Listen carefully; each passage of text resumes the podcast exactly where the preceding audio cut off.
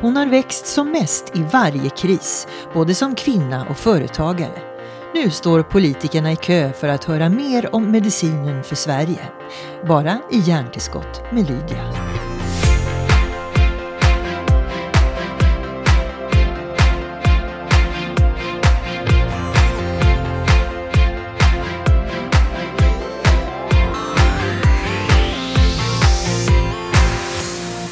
Jag har ju precis fyllt 51 och jag tänker jättemycket på att jag har mina bästa år som jag har det är ju de närmaste 20 åren tänker jag. Om jag förhoppningsvis är stark fysiskt och så och orkar. Och hur vill jag förvalta dem? Vad vill jag göra de närmaste 20 åren? Och då tänker jag faktiskt inte bara på alla mina bolag. De finns där och de älskar jag, det är min passion. Men vad vill jag göra med livet? Vad vill jag göra med familjen och mina vänner och uppleva? För upplevelser är ju bland det mest fantastiska som finns. Mm. Och vad är svaret på den frågan då? Nej, jag... Vi rullar nu tänker jag. Ja, det, absolut. um, svaret på den frågan har jag nog inte riktigt kommit fram till ännu, förutom att jag vill vara mer med min familj. Jag är en hundsmamma. Jag tror ingen förstår vilken hundsmamma jag är. Jag älskar mina barn och dyrkar dem över allt annat. Det är min största rikedom. Eh, jag står och bakar, det kan ingen tro heller. Första gången min man tog ett kort på mig i förkläde när jag stod och bakade bullar och skickade till min IT-kille. Han trodde att han hade photoshoppat den. Och sen när han sa att han inte photoshoppade den så skickade de den till hela kontoret och alla höll på att dö. För de ser mig bara springande stressad i högklackat och, och så står jag där och bakar. De har ju aldrig sett det. Men, äh, men jag älskar att vara där. I helgen plockade jag 40 kilo kantareller. Du, jag har sett det. Du är ja. flitig i sociala medier. Jätteroligt att följa dig. Ja, jag hade varit på en 70-årsfest i fredags till klockan två och så var det dåligt väder.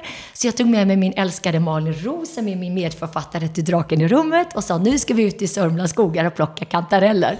det gjorde du rätt i. Det gjorde vi. Men du, jag måste bara säga, jag ja. tänkte ju säga välkommen till Hjärntillskott med Lydia, men jag är ju hos dig. Var, var är vi någonstans? Vad, vad händer här? Ja, men nu är är vi på mitt fantastiska kontor. Och varför jag säger fantastiska, det är inte för att det är tjusigt här, utan det är en historia.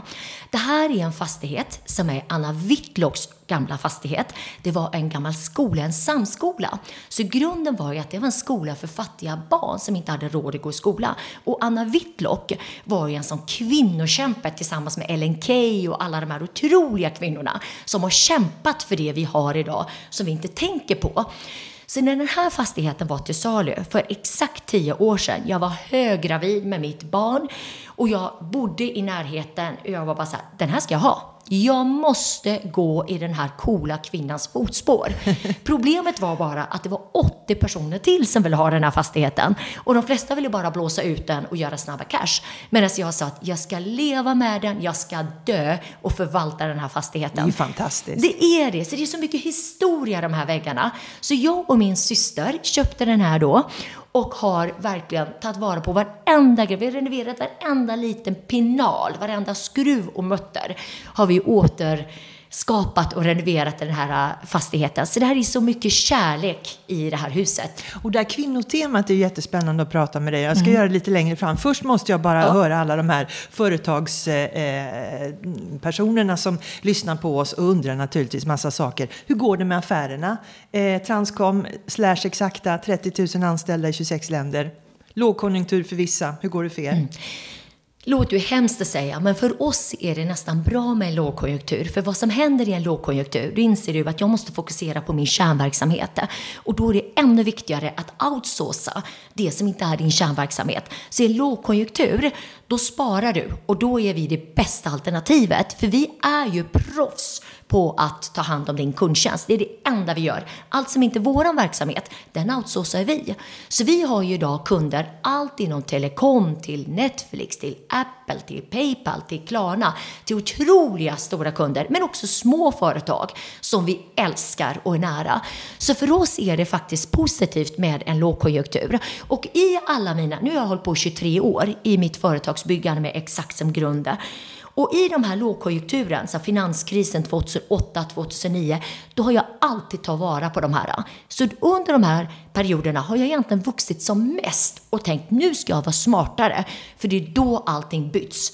Pengar byter ägare, kunder byts till nästa och sådär. Så att är du smart och tar vara på tillfället så finns det enorma möjligheter. Och det är precis det som många funderar nu. Lågkonjunktur, mm. vänta, någon har sagt att det är ju faktiskt är då som fönstret öppnas. Helt är det då man ska satsa mer på eh, det man eventuellt har som funkar? Eller ska man snabbt komma på någonting som, som eh, platsar i den tid man lever i? Jag tror att du ska alltid hålla på med det du är duktig på. För det är du duktig på Gräv där du står. Gräv där du står, gör det hårdare, gör det bättre. För vi har levt i ett antal år nu i en väldigt dopad marknad.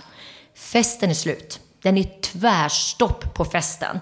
Det har ju pumpats in triljoner i systemet. Så alla har levt över sina tillgångar. Och många har ju också faktiskt blivit lata under den här perioden. För du har inte behövt anstränga dig. För det är så billigt att låna, det kostar ju ingenting. Du köper för stor lägenhet, du köper för stor bil och lever lite över dina tillgångar och blivit lite fat and happy. Men nu är det slut. Så de som är beredda att jobba hårt och fokusera på det de är bra på har enorma möjligheter. Men inget kommer gratis. Kronan har ju gått en otrolig Golgatavandring. Mm. Kan du här och nu tycka att eh, det var någon eller några som gjorde helt fel? Jag skulle nog säga att det är faktiskt eh, Stefan Ingves ansvar eh, hela den biten. Nu ska jag inte gå ut och kritisera honom, men det alla vet att det är hans ansvar. Så att jag skulle säga att han har en stor del i det. Du, vi kommer osökt in på skillnaden mellan manligt och kvinnligt ledarskap. Alla mm. är ju olika, men mm. tror du um, om, om någon annan hade suttit där och tänkt kanske mer hushållsekonomi, tror du det hade förändrat besluten? Jag hade gärna velat se Elisabeth Svantesson där, men nu är hon våran head of allt. Eh, våran finansminister och jag tycker att vi hade aldrig kunnat få en bättre finansminister än det vi har idag. Så jag är väldigt nöjd med Elisabeth. Um.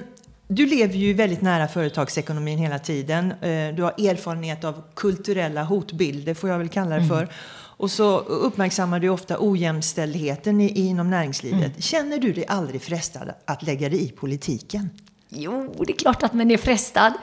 Men samtidigt så har jag bestämt mig att jag är entreprenör och jag bygger bolag och jag älskar det. Jag har mina filantropiska projekt. Men politikerna lyssnar ju på dig. Jo, men det gör de. Jag ska faktiskt på ett runda bordsamtal i morgon med Ebba Busch för att prata om de här frågorna. Jag ska också träffa Elisabeth Svantesson där hon kan kommer sätta ihop ett gäng smarta, briljanta kvinnor eh, och diskutera de här frågorna.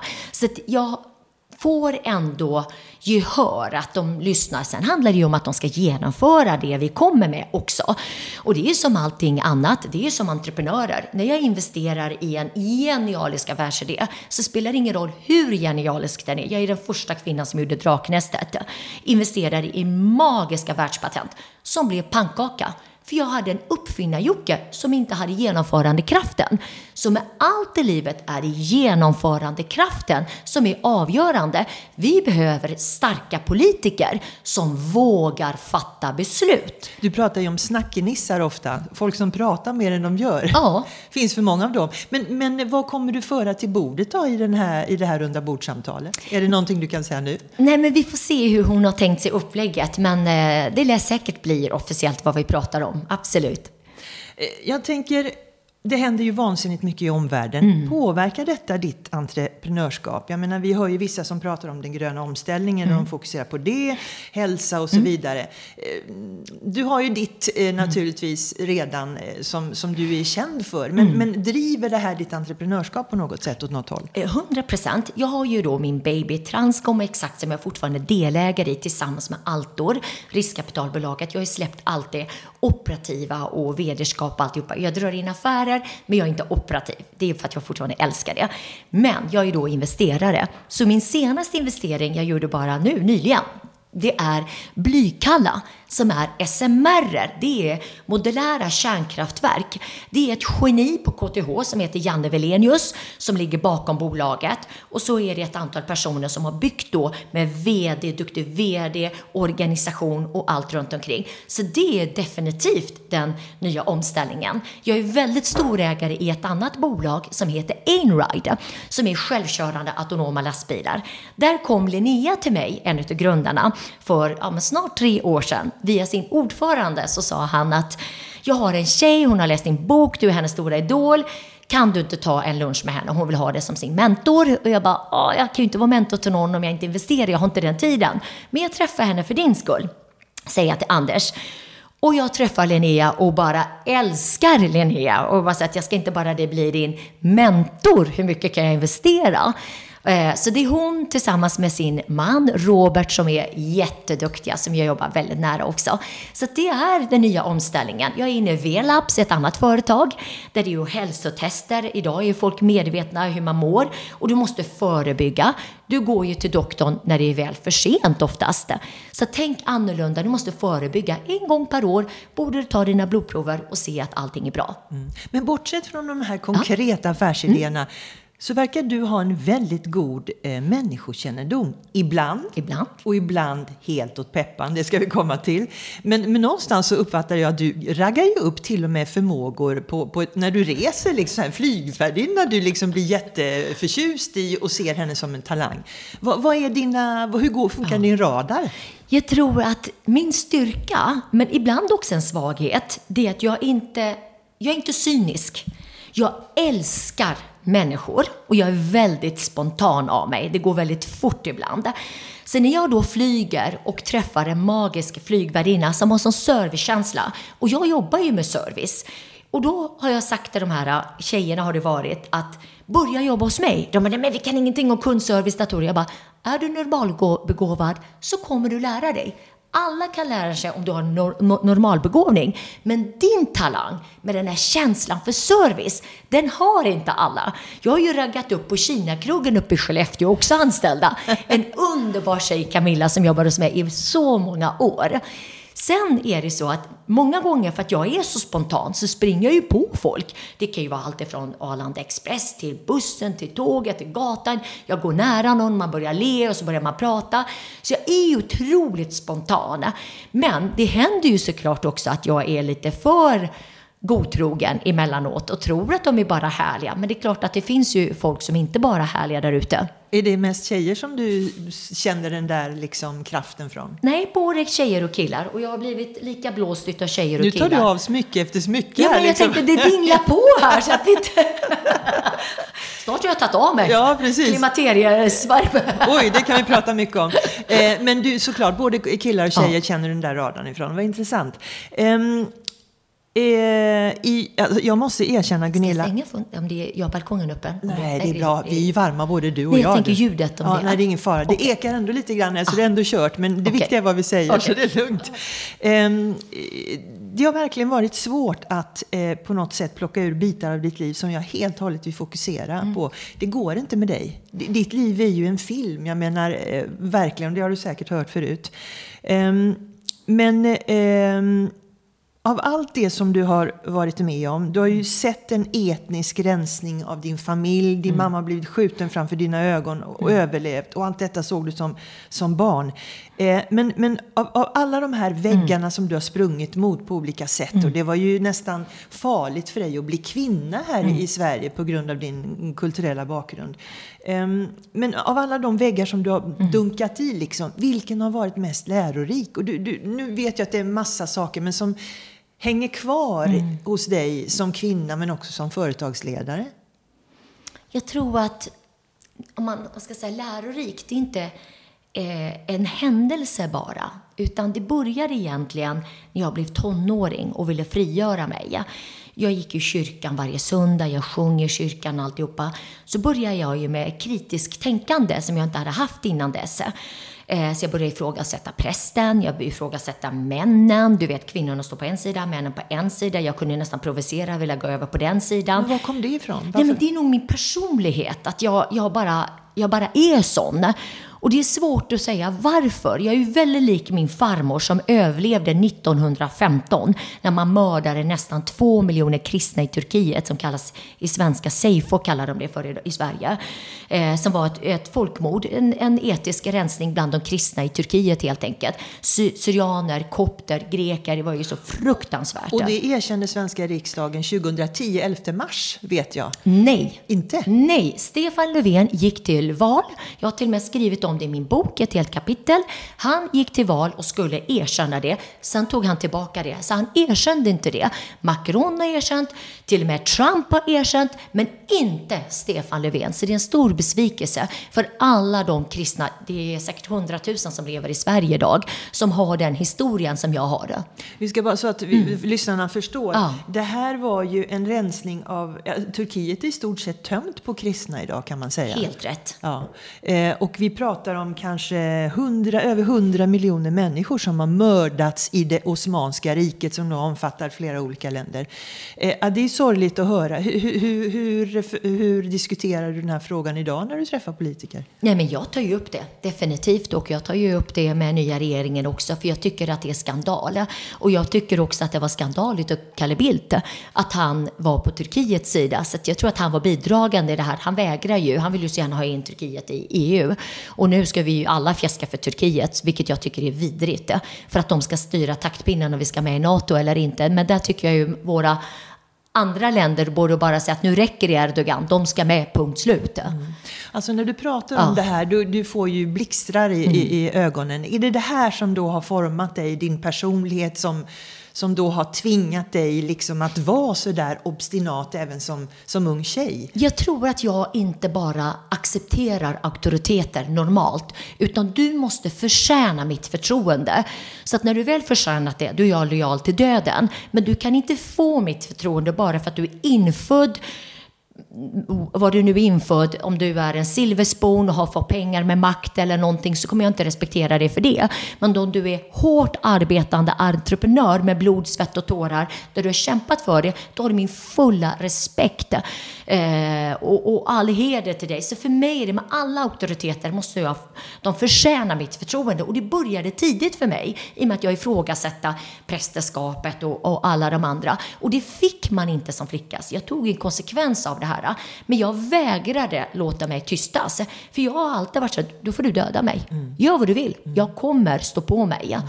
Och det är ju, ibland är det kanske korkat, men det har ju varit en, jag kan inte göra mig till något annat än det jag är. Mm. Men Gunilla, som kvinna och med den bakgrunden du har, hur reagerar du på alla diskussioner kring koranbränningar och så vidare? Det här är ju återigen två kulturer mm. som krockar. Eh, eh, och, hur förhåller du dig till det? Jag kan säga så här. Jag tycker att eh, regeringens förslag är helt felaktigt, att vi skulle förbjuda det, för vi lever i en demokrati och det här kommer inte stanna vid det här kravet som de kommer ha.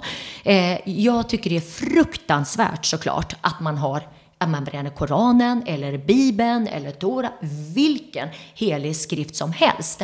Men vi lever i en demokrati och den är för mig större att värna med tanke på att jag kommer från ett land utan demokrati. Så uppskattar jag det mer än något annat. Demokrati i all ära då, men det här med provokation, mm. du har ju mm. själv sett konsekvenserna av det. Nu menar inte jag koranbränningen enbart, men generellt att mm. vi ska bara tagga ner och inte mm. tagga upp konflikter. Mm. Eh, ja, nu är det ju så att det är vissa människor som utnyttjar situationen i Sverige. Det är ju olika makter som påverkar. Och det är ju också tragiskt att de som bränner och deras syfte som har en egen agenda. Det är, ja, jag, är, jag är emot ett förbud i alla fall, även om jag tycker det är fruktansvärt att man bränner heliga skrifter. Ja, det var tydligt och klart. Ja. Eh, men tillbaks till... Eh, jag måste ju då fråga naturligtvis mm. när vi pratar om alla de här eh, religionerna. Mm. Vad tror du på som är större än dig själv? Nej, men jag är ju född i en kristen familj. Jag växte upp som tonåring, hade mina tvivel i många, många år. Eh, tänkte så här, men finns det någon gud så förstår jag inte allt det här eländet och allt ont och hela, hela den biten. Och med tanke på min bästa väninna som blev kallblodigt mördad och allt elände jag har varit med om. Men med det sagt så har jag bottnat att jag är faktiskt ändå kristen. Jag tror på något gott. Och för mig är Gud, godheten i människorna. Det är, någon, det är inte någon gubbe som är på något moln. Utan det är godheten i människorna och den kommer jag aldrig sluta tro på. Så att jag har bottnat i att jag är kristen och jag inser idag att det har också gett mig en trygghet i mig själv, min tro. Mm. Och den vågar jag stå för. Mm. Um. Det är så roligt när du säger en gubbe eh, som oh. kanske... Eh, jag tror inte heller på det du inte tror på, liksom, utan man tror ju på det goda. Det är ju fantastiskt mm. om det kan få blomstra. Men eh, när du växte upp och blev tonåring mm. och eh, försökte frigöra dig med allt det vad det innebar. Så när jag läser din bok så upplever jag att du faktiskt drevs in i armarna på en man. Mm som du verkligen borde ha eh, haft en annan radar till, som, som manipulerar dig. Hur, hur hamnade du där? Mm, det är en jättebra fråga. Och det frågade jag mig själv också. Jag har en vän som heter Mirka Glaxer. Eh, när jag mådde som värst, när jag var 19-20 år, så träffade jag henne på BUP, barn och ungdomspsyk i Göteborg. Jag mådde så fruktansvärt dåligt. Vi blev vänner för livet. Eh, och idag är hon eh, ja, 85 plus och är en helt fantastisk människa. Varit på mitt bröllop, mina barns dop och allt möjligt. Men jag träffade då den här mannen Thomas när jag var 22 år. Jag var ung, jag hade aldrig haft en relation, jag var oskuld. Han var 20 år äldre än mig och han uppvaktade mig något otroligt och var så insmickrande. Till slut blev jag tillsammans med honom och insåg att han var alkoholist. Eh, och jag var naiv och tänkte att jag ska hjälpa honom. Jag älskade hans mamma så mycket. Och hon hade sånt hopp till mig att jag skulle göra honom frisk, som var så mycket äldre än mig. Så jag kämpade med att jag skulle göra honom frisk. Och då säger han till mig att om du gifter dig med mig så lovar jag söka vård och bli frisk. Jag är så naiv och gifter mig med honom. Min mamma kommer med svarta kläder till kyrkan och resten av familjen var knappast där. Och det var hemskt. Och min, stora, min lilla syster står utanför kyrkan och gråter och säger, gör inte det här. Jag säger att jag vet att det är fel, men jag ska rädda honom. Jag ska göra honom frisk. Jag var 24 år. Och självklart gick det här käpprätt åt skogen. Han var alkoholist, han slog mig, han tryckte ner mig. Och det blev två år av elände. Sen när jag tog mig ur den här relationen satt jag och grät med Mirka och bara sa, jag förstår inte. Jag som är så stark, hur kunde jag hamna i den här relationen? Och då hjälpte hon mig så otroligt klokt att förstå mig själv. Jo, för det var väldigt naturligt. När jag växte upp fick jag höra jag är fel, jag är fel, jag är fel, jag är för framåt, jag är för mycket, jag är tjej som tar för mig, jag får inte ta för mig. Och det kände jag mig egentligen trygg med, för vad Thomas gjorde, han tog över min familjs roll och berättade hur värdelös jag var, hur ung jag var, hur korkad jag var och allt det där. Och det är en trygghet. Och det är oftast det där mönstret, att man går tillbaka till någonting som egentligen är elände, för det är du trygg med. Och då bestämde jag mig, jag ska klippa det här mönstret. Och jag är 26 år och sa till Mirka, jag ska lova mig själv att aldrig hamna i en sån destruktiv relation igen, där det undermedvetna, först uppvaktar de dig till, in i bänken och du känner dig älskad, som du har saknat den här kärleken. Men det är bara ett sätt sedan att bryta ner dig fullständigt.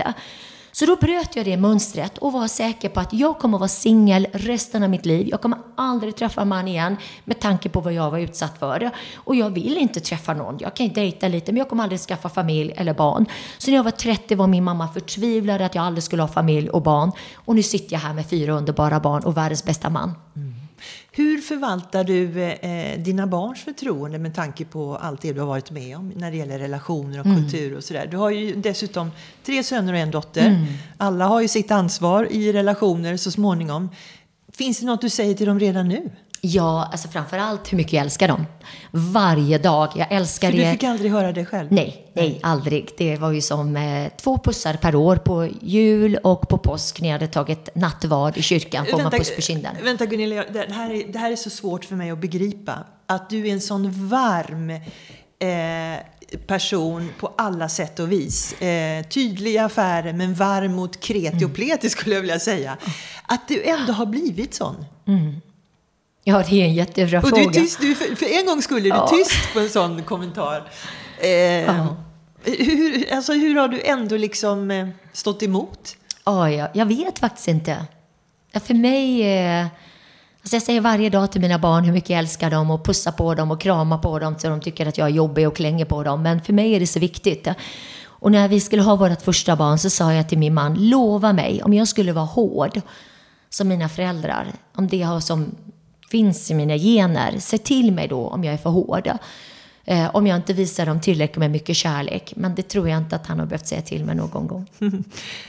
Du har förlorat flera väninnor på relationens altare kan man väl nästan säga. Mm. Och Veronica Lin har det till och med gjorts en dokumentärserie om. Mm. Har, påverkar det dig hur du ser på relationer generellt? Att man faktiskt kanske inte kan lita på alla relationer som man startar? Eh, ja, med Veronicas relation med den här fruktansvärda mannen som, som vi inte gillade från början. Eh, men, en kinesisk oerhört förmögen man som hon fick barn så småningom med. Exakt. En du är gudmor till honom, sonen. En, ja, en mm. utav Kinas rikaste män, med mäktigaste män i hans familj, bor i Dalian och styr, styr allt. Han har ett bolag som heter Vanda-koncernen, de är gigantiska. Eh, och när han hotade henne att kvinnor som begår äktenskapsbrott straffas med döden. Vi var 30 år. Vi tänkte, vad tror han? Han kan ta sina pengar och stoppa upp dem någonstans. Vi bor i Sverige, här är vi skyddade. Trodde vi. Vad hade hänt då? Eh, hon ville bara. lämna honom. De, hade, de gifte sig. Och han lämnade henne fem dagar efter äktenskapet. Ville inte ha henne som att du är äcklig västerlänning och drog tillbaka till Kina. Sen födde hon deras barn.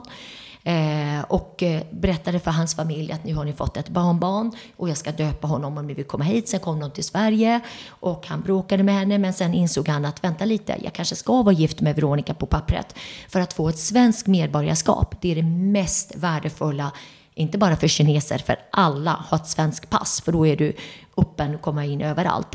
Och då sa han att jag kan vara gift med det på pappret. Eh, och då kan jag betala ett underhåll för Markus. Och då pluggade hon på Chalmers väg och vatten på den tiden. Så då sa hon, det spelar ingen roll, jag kommer inte skaffa en relation, så vi kan vara gifta på pappret. Och han levde ju inte här, utan han levde i Kina. Men sen, efter tre år, så ville hon skilja sig från honom och kände att nu vill jag gå vidare i mitt liv. Och då sa hon att jag vill skilja mig. De hade inte haft en, alltså de hade ingen relation. Och då kom han med de här hoten. Och då tänkte vi att jag menar, de har inte ens en relation. Han, hade, han var ihop med sin släkting som sedan också blev mördad av honom. Finns också i den här dokumentären. Men då, då var han ihop med henne. Så att vi tänkte inte att han skulle göra någonting. Men sen planerade hela det fruktansvärda mordet. Men det som jag kan säga att det som har påverkat mig, då rasade hela mitt liv. Jag är ju mitt i mitt företagsbyggande. Min kompanjon hade blåst mig. Eh, och Veronica dör, som är mitt liv. Hon är mitt allt. I och med att jag hade tufft med min familj. Hon var min familj. Hon var mitt allt. Vi la oss aldrig en dag utan att prata med varandra. Om det var så mitt i natten jag kom till hotellrummet i Skellefteå så ringde jag henne.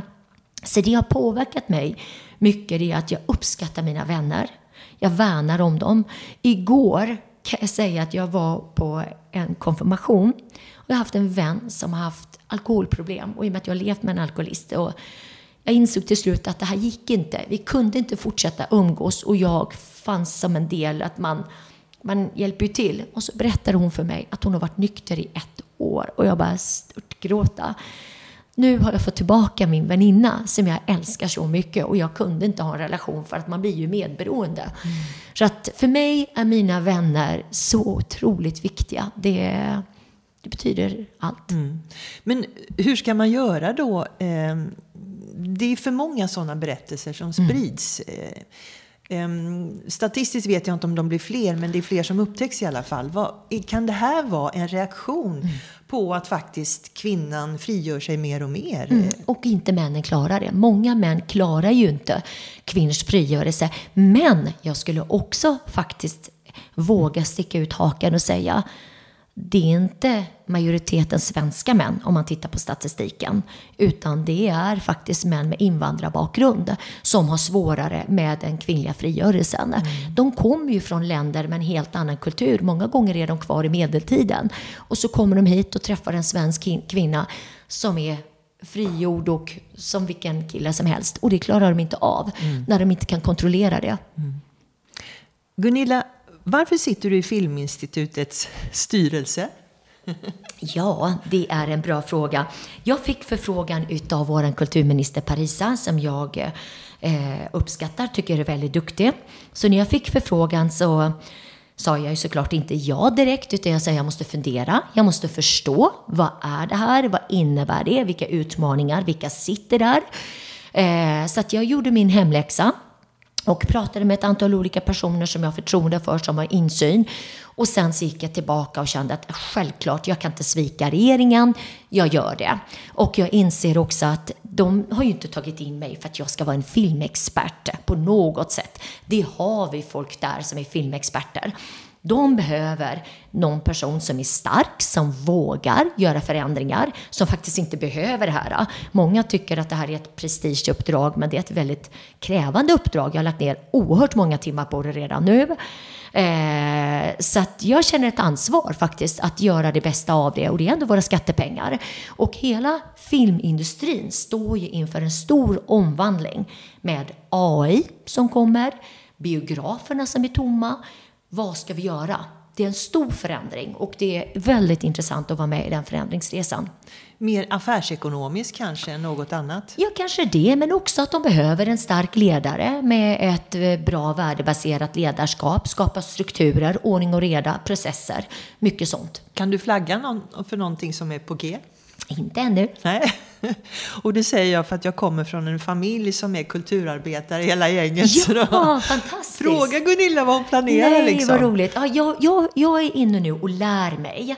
Eh, så jag åker nu i veckan till Venedig på filmfestivalen och då har ju kollegorna på Filminstitutet bokat fantastiskt många bra möten så att jag lär mig hur ser utmaningen ut i Skandinavien, hur ser de ut i Europa, hur ser de ut i världen, vad kan vi ta till oss, vad ska vi förändra? Så att just nu försöker jag lära mig. Sen under hösten ska jag göra ett arbete där jag vill träffa alla nyckelmedarbetare. För det är ju praxis. När du kommer in som ny ordförande så vill du förstå verksamheten. Men när jag kom in så fick jag en utredning i knät som de hade gjort som blev lite, ja det var ju offentligt. Eh, vi gick ut med det här i media. Så det tog mycket tid. Så nu har jag tid till hösten att sätta mig in och förstå verksamheten, de olika avdelningarna. Vad har vi för utmaningar? Vad har vi för möjligheter? Mm. Nu kommer den klassiska frågan. Den har du säkert fått tidigare, men jag ställer den ändå. Vad tittar du på själv när du konsumerar eh, underhållning? Väldigt varierande faktiskt. Det är det. Eh, min senaste film var Oppenheimer som jag såg.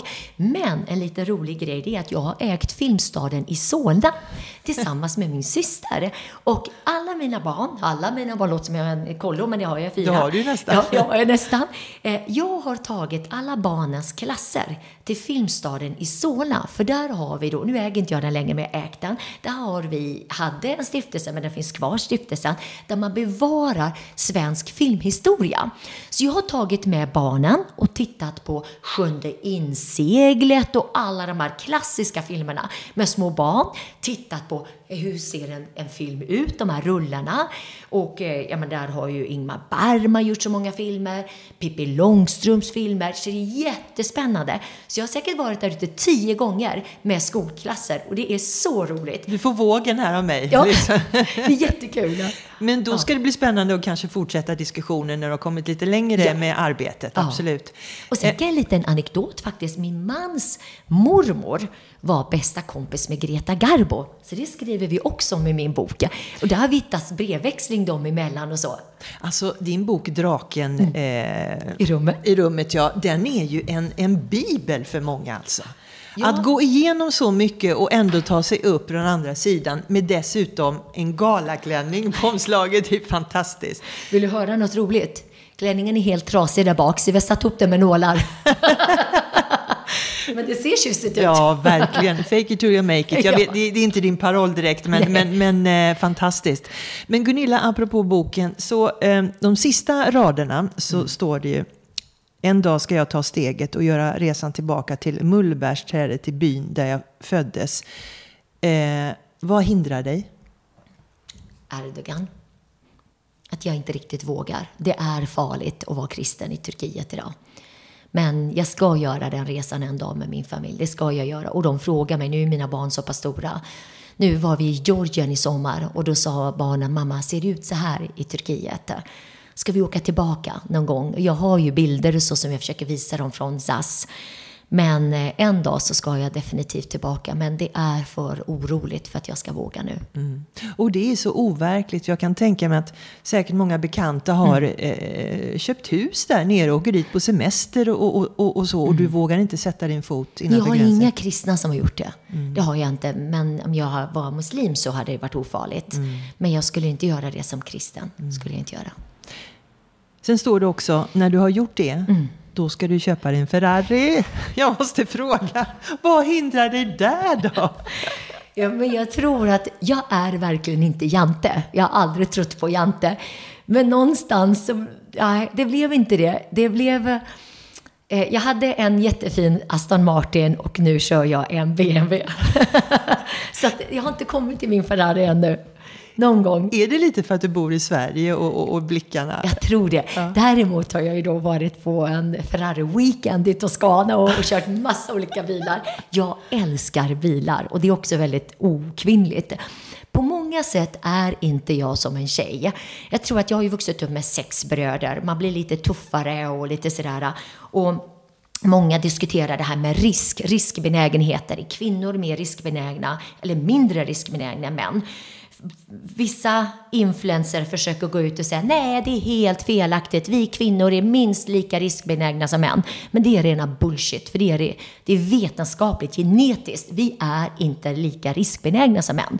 Men där tror jag att jag har en en, en mer riskbenägenhet än vad en vanlig kvinna. För att jag har riskat allt jag äger flera gånger om och varit beredd att stå på gatan om det hade gått åt skogen. Och det är väldigt ovanligt för en kvinna, för vi är mycket mer trygghets i vår natur. Det roliga här, jag skrattar med hela ansiktet. Du sitter mitt emot en motorsportjournalist ja! som har kört, kört motorcyklar och flugit Viggen och allt möjligt. Och en sak till, vi är båda stenbockar. Du ska jag vara jobbig. Jag är lejon. Är du lejon? Nej, men du är född 3 januari. Nej, och jag beskriver i min bok, för det är så här, ja. alla vi invandrare som kom till Sverige på 70-talet, ja. vi fick ett personnummer utav staten. Är det sant? Alla fick januari. Om ja. du tänker på invandrare, vi fick 3 januari, eller jag fick 3 januari, alla mina syskon fick januari. Tills mina föräldrar började lära sig svenska, så men vänta lite, du är född 1 augusti. Och det har inte jag ändrat. Jag firar min födelsedag 1 augusti. Men när jag var ung så sa jag till alla, jag fyller år två gånger gånger. Så ni får fira med 3 januari och 1 augusti. Men det är 1 augusti jag faktiskt. Jag är lejon, men vi är lika envetna. Stenbock och lejon är väldigt envetna. Ja, och så har vi faktiskt lite vurm för farterna där. Absolut. Så vi, ja. Absolut. Gunilla, stort tack eh, för nu och eh, vad ska du göra idag? Nu ska jag faktiskt iväg och träffa kulturministern. Lycka till! Tack så jättemycket!